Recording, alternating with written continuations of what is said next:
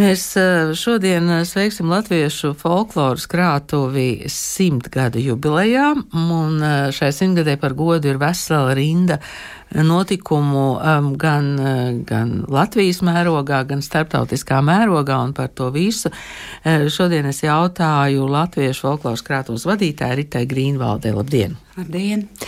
Kas tad notika tajā tālajā, tātad 1924. gadā? Jā. Paldies par pirmajiem sveicieniem. Patiešām eh, simtās jubilejas gads ir sācies, eh, taču pati dzimšanas diena būs tikai decembrī. Svinam mēs visu gadu. Un tātad 1920. Eh, 4. gada 2. decembrī oficiālajā laikrakstā valdības vēstnesis tika publicēti noteikumi par latviešu folkloras krātuvi. E, nu, ka ir izveidota šāda jauna iestāde ar mērķi vē, vē, vākt vienopus, arhivēt garīgās dzīves pieminekļus nu, un pētīt. Uh, un, nu, tas, protams, ir liels notikums un interesants fakts arī, ka šos noteikumus parakstīja toreizējais izglītības ministrs Kārlis Straubergs, nu, labi zināms folklorists, romānists, kurš pēc tam kļuva par otro latviešu folkloras krātuves vadītāju pēc Annas Bērskalnas. Un jūs esat uh, kura folkloras krātuves vadītāja? es tiešām nepaskatīju, man šeit septītā sanāk pēc kārtas, jo tur kara laikā arī bija tāda īsāka posma, jūlijas sproģis. Mums ļoti ilgu laiku ir bijuši tiešām lieliski vadītāji, kā Elza Kokare. Visu padomu periodu, gandrīz arī Dāca Bola bija ilgāku laiku, un es esmu pēc viņas. Un, cerams, drīz kaut kas mainīsies. Folkloras krātuvē, protams, ka mums uzreiz rodas tādas asociācijas. Vecas tantes kaut kur stāsta, dzied, kāds kaut ko ieraksta, pieraksta. Bet eh, droši vien, ka tā ir tikai tāda eh, viena daļiņa no tā, ko jūs darāt. Ir taisnība. Šīs sirmās māmiņas pie vērpjamā ratiņa, kas eh, dzied dziesmas vai stāsta pasakas, tas patiešām ir tāds hrestomātisks tēls, kas arī fotografēts.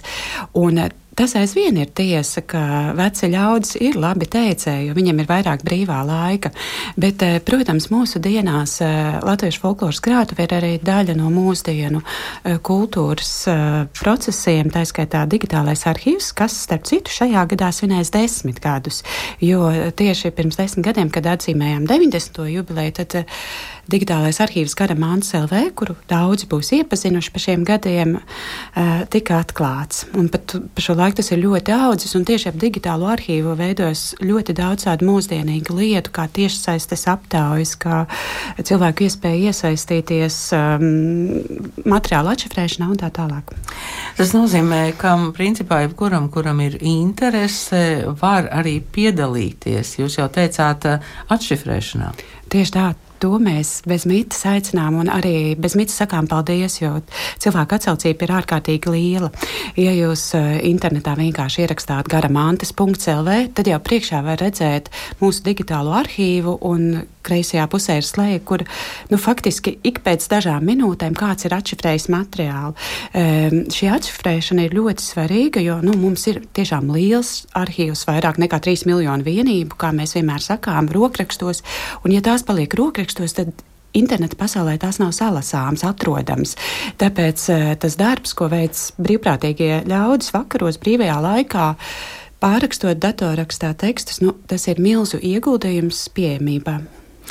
E, jā, mums e, pēc brīža jau būs pieslēgušies arī divi folkloras krātuves e, vadošie pētnieki, Toms Čencis un Sandis Laime, bet pirms tam kāds īpašs sveiciens, un es saprotu, ka mēs esam varbūt pirmie, kuri to publisko.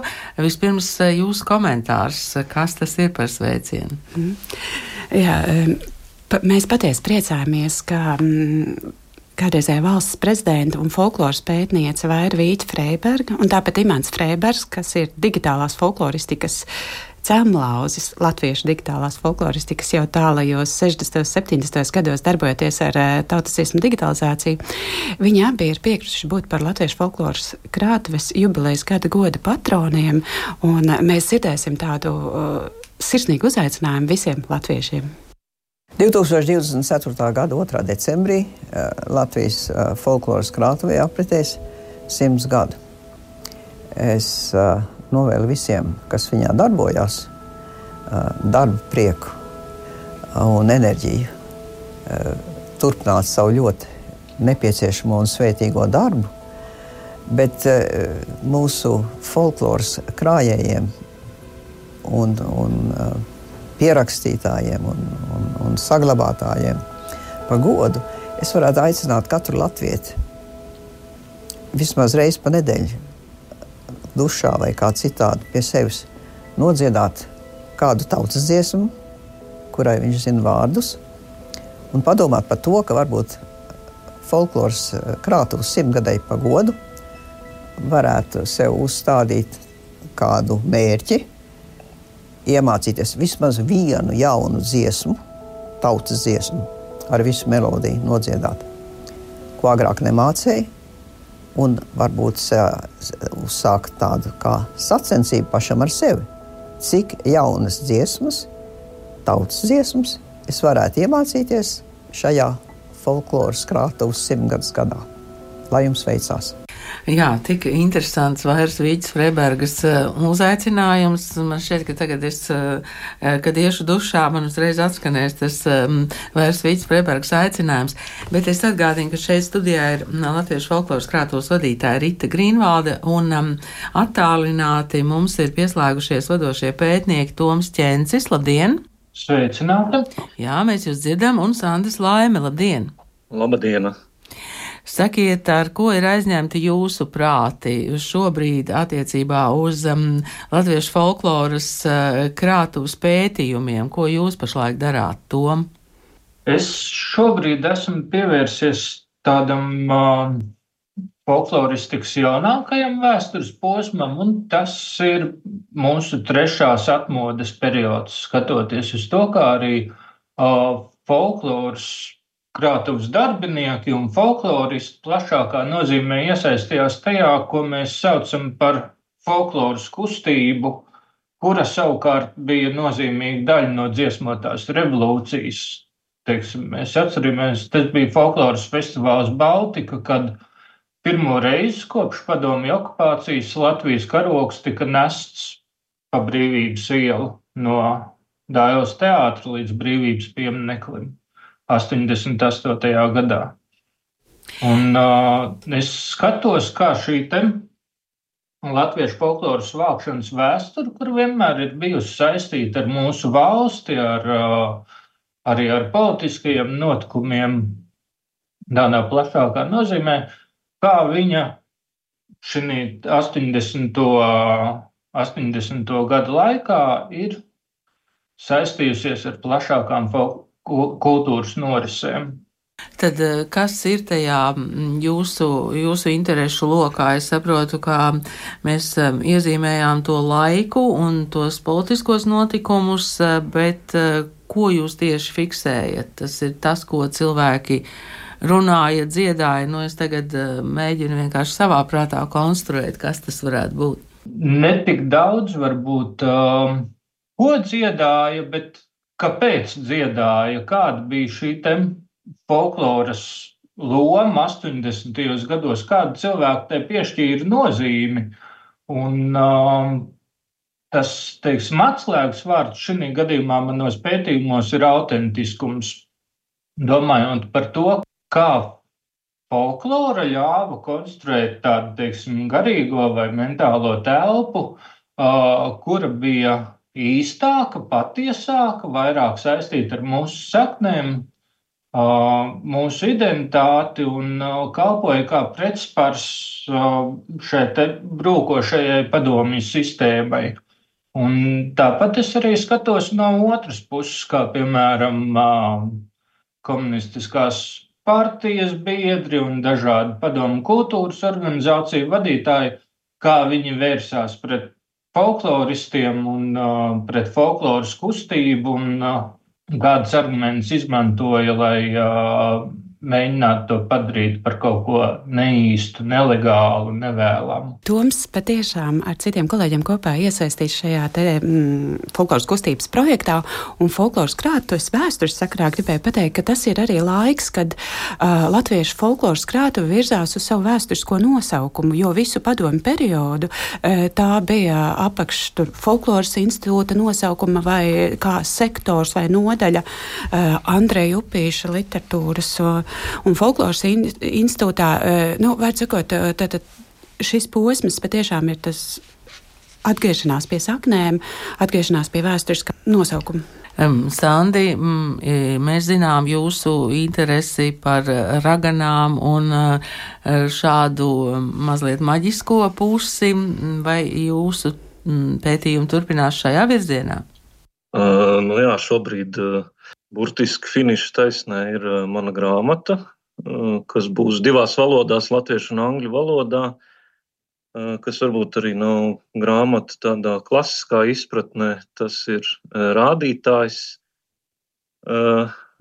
Te jāapskaidro divi termini. Narratīvu pētnieki darbojas ar tādiem jēdzieniem kā narratīvu tipi un narratīvu motīvi. Un ar šo lietu palīdzību var veikt starptautisko pētniecību.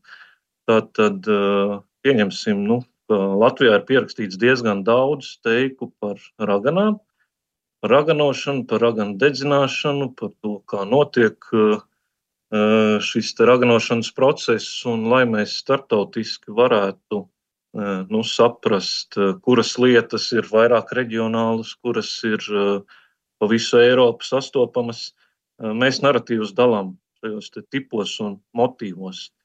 Un, tas, un, un šādi, šādi te, šāds iedalījums palīdz nu, pētniekiem veikt starptautiskos salīdzinošos pētījumus un saprast dažādas nu, mūsu interesējošās pētnieciskās lietas. Nu, un, es esmu jau pēc doktorantūras projekta laikā sagatavojis šādu motīvu un tipu rādītāju par latviešu materiālu. Šī mana grāmata iekļausies eh, arī tādā tā starpdisciplinārā virzienā, kas ir raganu pētniecība, Eiropas raganu pētniecība, kurā iesaistās gan vēsturnieki, gan mediķi, gan psihologi un, un ļoti daudz dažādu zinātnes nozaru pārstāvi. Šādā veidā, sagatavojot raganu teipu un tipu rādītāju, mēs padarām šiem pētniekiem pieejamu tādu pārskatu par latviešu materiālu. Jāteic, diemžēl padomu gadi, kas jau šeit ieskanējās, arī Toma teiktajā, bija tas laiks, kad šādām mitoloģijas lietām, maģijas lietām nu, centās mest līkumu pētnieciskajās tēmās, jo cilvēki bija racionāli un tā tālāk. Un tāpēc Latvija sanāk šajā Eiropas raganu pētniecībā diezgan nu, tāda, tāda terra inkognita, baltais pleķis par mūsu teritoriju gandrīz nekādi materiāli šajā te, nu, starpdisciplinārajā zinātnes laukā nav pieejami. Nu, es ar savu grāmatu cenšos šo situāciju nedaudz labot. Eh, protams, būtu nepieciešama arī vēsturnieku pētījumi par raganu dedzināšanas periodu Latvijā, jo mūsu arhīvos glabājas arī šādas liecības. Eh, bet nu, vismaz tas, kas attiecas uz folkloras materiālu, šobrīd būs pieejams uh, teikt, vienos vākos. E, jā, paldies vadošajiem pētniekiem Sandim Laimēm e, un e, Tomam Ķencim. Rīta, man ir jautājums jums par tiem dažādiem pētniekiem vai pētniekiem, kas nāk no dažādām jomām. Latviešu folkloras krātuvē vairums kolēģi tomēr ir ar kādreizējās filozofijas fakultātes vai humanitāro zinātņu fakultātes vēlāk izglītību un ar šo te filoloģisko piesitienu. Tas ir eh, tas, kā folkloristika kā nozara arī, arī dzana mm, klasificēta mūsu valstī, bet uh, vienmēr ir patīkami, ka ir kolēģi, kas izglītojas arī citur. Piemēram, mums ir kolēģi Digna Udra, kas Tartu universitātē mācīsies. Tāpat ir kolēģi no citām nozarēm, un tas, protams, viss tā buķeta kopā veido tādu zinošu kolektīvu. Um, mums ir etnomuzikoloģija Ieva Vīvera, piemēram, un arī dzene Valdis Mukta Pāvels, kuram šogad grāmatas atklāšana, vai ne?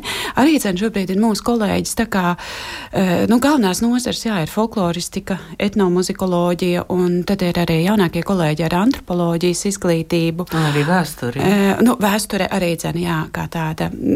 Lingvistika, protams, mums ir radniecīga lieta, lai gan nav tāds tīrs lingvists neviens šobrīd, izņemot dialektoloģi Beatrice Reidzānu.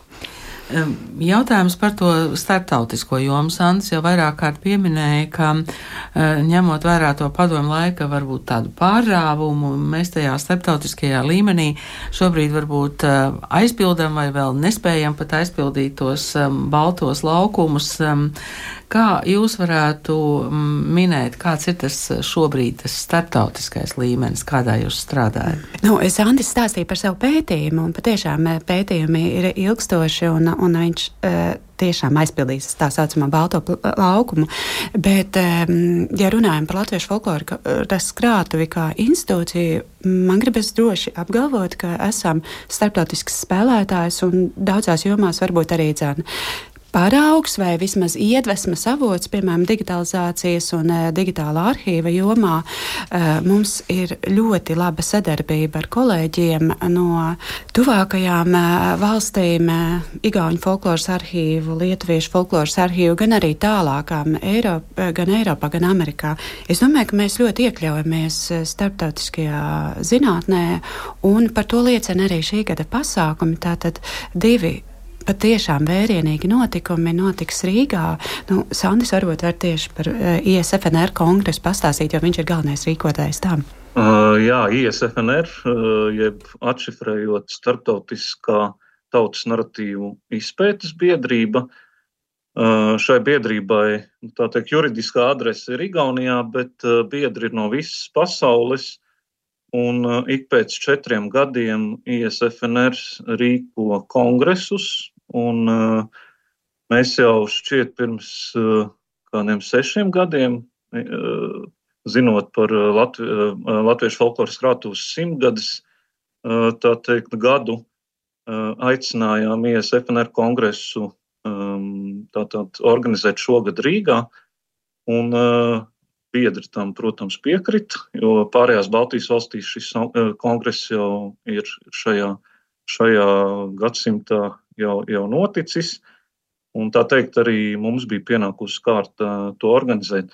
Un, tātad šī biedrība pulcē narratīvu pētniekus.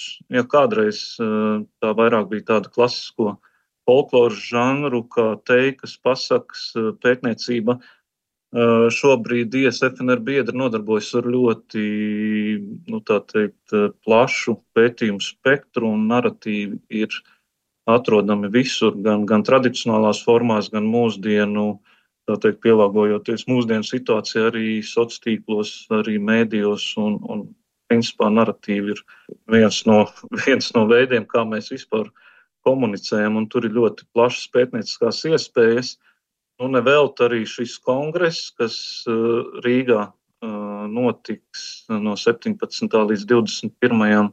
jūnijam, tieši pirms Jāņiem, arī pulcēs ļoti prāvu pētnieku skaitu. Mums jau šobrīd aktīvi norisinās, joprojām norisinās pieteikšanās kongresam. Tēmu mēs izvēlējāmies diezgan plašu.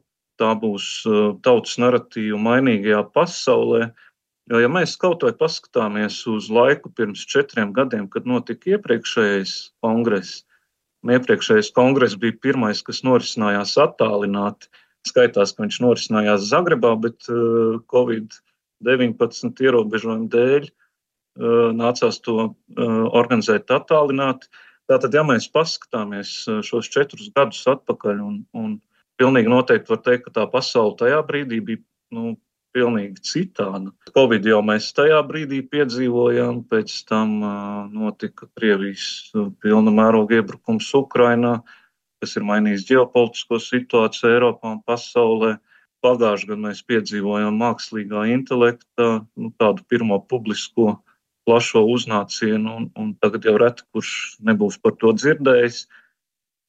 Tātad mēs dzīvojam ļoti strauji mainīgā pasaulē, un droši vien tas arī pie tā ir jā, jāpierod, ka tā arī būs. Un, tātad kongresā mēs runāsim par to, kā šīs plašās ietekmes sabiedrībā, politikā un citās mūsu dzīves jomās, kā viņas atstāja savu nospiedumu arī stāstījumos. Narratīvs tas ir tāds zinātnisks vārds stāstam, var tā teikt. Ja? Jā, varam tā teikt. Stāstījumam. Stāstījumam. Jā. Protams, ka pasaule ir mainījusies, un jūs jau pieminējāt, ka mēs varam arī citiem kaut ko pastāstīt par digitalizācijas jautājumiem, bet mēs varbūt arī nepieminējām vēl to, ka iznāk arī vairāk starptautiski izdevumi, un viens no tiem ir arī kur um, Toms Čencis bija viens no sastādītājiem. Tātad uh, folkloru un etnoloģija padomju rietumu robežzemēs. Ja? Robežzemēs. Protams, Toms kā galvenais redaktors kopā ar patiešām cienījumiem redaktoriem no citām valstīm varēs pats vairāk pastāstīt. Es tikai gribēju uzslavēt to, ka Toms ir tas, kurš visvairāk ir izpētījis padomju periodu latviešu folkloras krātuvē, taiskaitā šīs te politiskos, ideoloģiskos ierobežojumus. Nu, Tomam ir arī grāmata par padomju folkloru, bet par šo jauno izdevumu, par ko mēs patiešām priecājamies, kas ir startautisks, Toms varētu pastāstīt pats. Ņemot vērā, cik,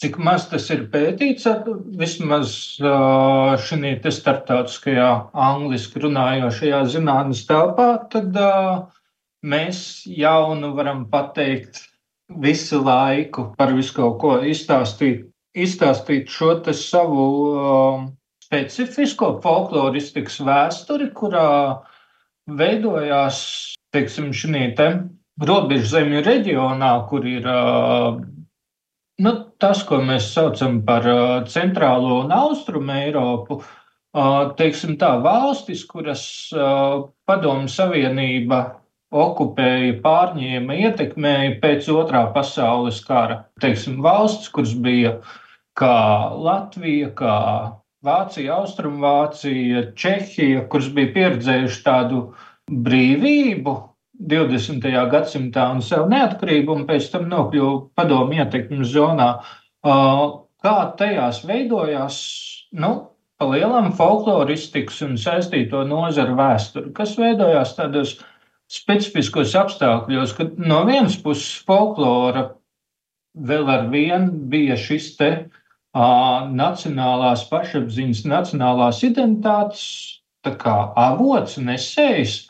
Un no otras puses, folklora bija viens no lielākoties atļautajiem un vēlamajiem objektiem padomju. Tātad, nu, gan padomju propagandā, gan uh, atbilstoši arī padomju zinātnē un pētniecībā mēs visi atceramies visas tās tautu meitas, dažādu padomu un brālīgo republiku tērpos, kuras sanāk kopā un tādā veidā simbolizē padomu savienību. Um, dziesmu svētku izstrādes iepriekšējo noformējumu, kur um, arī bija līdzīga simbolika izmantot, un um, tā tālāk un tā joprojām. Tas īpašais, kas ir raksturīgs šim reģionam, ir nu, tā nepārtrauktā tā kā, dinamika starp uh, folkloru kā kaut ko nacionālu, jeb, teiksim, nu, būtiski pretpadomisku, un folkloru kā tādu padomju varas instrumentu un padomju kultūras nozīmīgu daļu. Tad caur tādu tā postkoloniālismu pētniecības prizmu es un, un citi grāmatas raksta autori to skatījāmies visā šī reģionā. dažādās Varšavas paktu valstīs, varētu teikt. Tātad angliski tas arī tagad ir pieejams, un es skatos, ka jums paredzēta arī konference tradicionālās kultūras arhīvis 100 plus 10. Tas jau būs vēlā rudens pusē. Tad, Rita, vai jums atliek laika arī savai pētnieciskai interesei? Uh, nu, paldies. Šajā gadā patiešām man visa uzmanība būs veltīta Latvijas folkloras krātuves simtajai jubilejai, uh, bet iepriekšējos gados uh, tas ir darīts arī dzene individuālie pētījumi. Un es esmu iesaistīta vairākos projektos. Mana personīgā lieta viena ir šobrīd arī kā klimata pārmaiņas ietekmē nemateriālo kultūras mantojumu. Tā esam daļa no starptautiskā projekta. Tāpat eh, es eh, rakstu Rīgas grāmatu, Rīgas nostāstu grāmatu, kas bija pilsētas projektā eh, nodevums, bet šajā gadā es jau pie tā strādāšu mazliet, un e, paredzams, ka nākamajā gadā nāks klajā grāmata par nostāstiem Rīgā. Uh, nu, tās ir tādas divas aktuālas lietas, tāpat e, iesaistīt esmu arī folkloristikas vēsturē par konferenci rudenī. Tā patiešām būs arī zem liela un starptautiski, varbūt ne tik vērienīga kā ISFN ar kongresu, bet arī to rīko starptautiskā organizācija uh, CF, uh, proti divas darba grupas, un mūsu mērķis ir saicināt kopā dažādus folkloras arhīvus no dažādām valstīm, arhīvu pētniekus un tā tālāk. Tur vēl aizvien ir atvērta pieteikšanās, bet ir jau zināms, ka būs diezgan pulka. Paldies jums eh, šodien par sarunu. Paldies um, Latviešu folkloras krātos vadošajiem pētniekiem Sandim Laimem un Tomam Ķencim. Paldies Latviešu folkloras krātos vadītāja Ritai Grīnvaldei. Un ieejot um, folkloras krātos mājas lapā, es domāju, ka ir ļoti interesants materiāls, kas ir rakstnieka, amatnieka un hipiju kustības pārstāvi Alfrēda Stinkūda diapozitīvu kolekcija, kurā dokumentēta folkloras kustība kustība Latvijā 20. gadsimta 70. gadu otrajā pusē un 80. gados. Pateicoties grāmatai, mēs arī esam pazīstami ar šo Alfrēdu Stinkulu stāstu. Un e, šovakar es saprotu, ka jūs vienkārši sāksiet svinēt ar um, Valda Muktu Pāvela grāmatas uh, atvēršanu. Jā, e, Valdis Muktpāls patiešām, kas jau ir bijis studijā, ir veicis varenu darbu un e, priecāsimies ar viņu kopā grāmatas atvēršanā. E, bet notikumi būs ļoti daudzi gada garumā, tā izskaitā akadēmiskais tautas ciesmu izdevums, kas vairākas desmitgades ir taps piedzīvos pēdējo sējumu, un ar, e, tā kā tas būs milzu notikums nozarē, e, ir paredzēts, ka šogad beidzas e, digitalizācija visi latviešu folkloras krātuves rokrakstu materiāli gada beigās būs digitalizēti. Nu, tas arī ir liels tāds uh, notikums. Uh, jūs dzirdēsiet par mums jau pavisam drīz februārī, kad būs simtgades talka, bet tad par visu pēc kārtas uh, gada gaitā. Paldies par interesi! Jā, tiešām par visu pēc kārtas. Šovakar Latvijas Universitātes zinātņu mājā šopēcpusdien notiks etnomuzikologu valdu Muktupāva grāmatas Brūšos manas kājas autas grupas rasa mantojums atvērt vēršanu.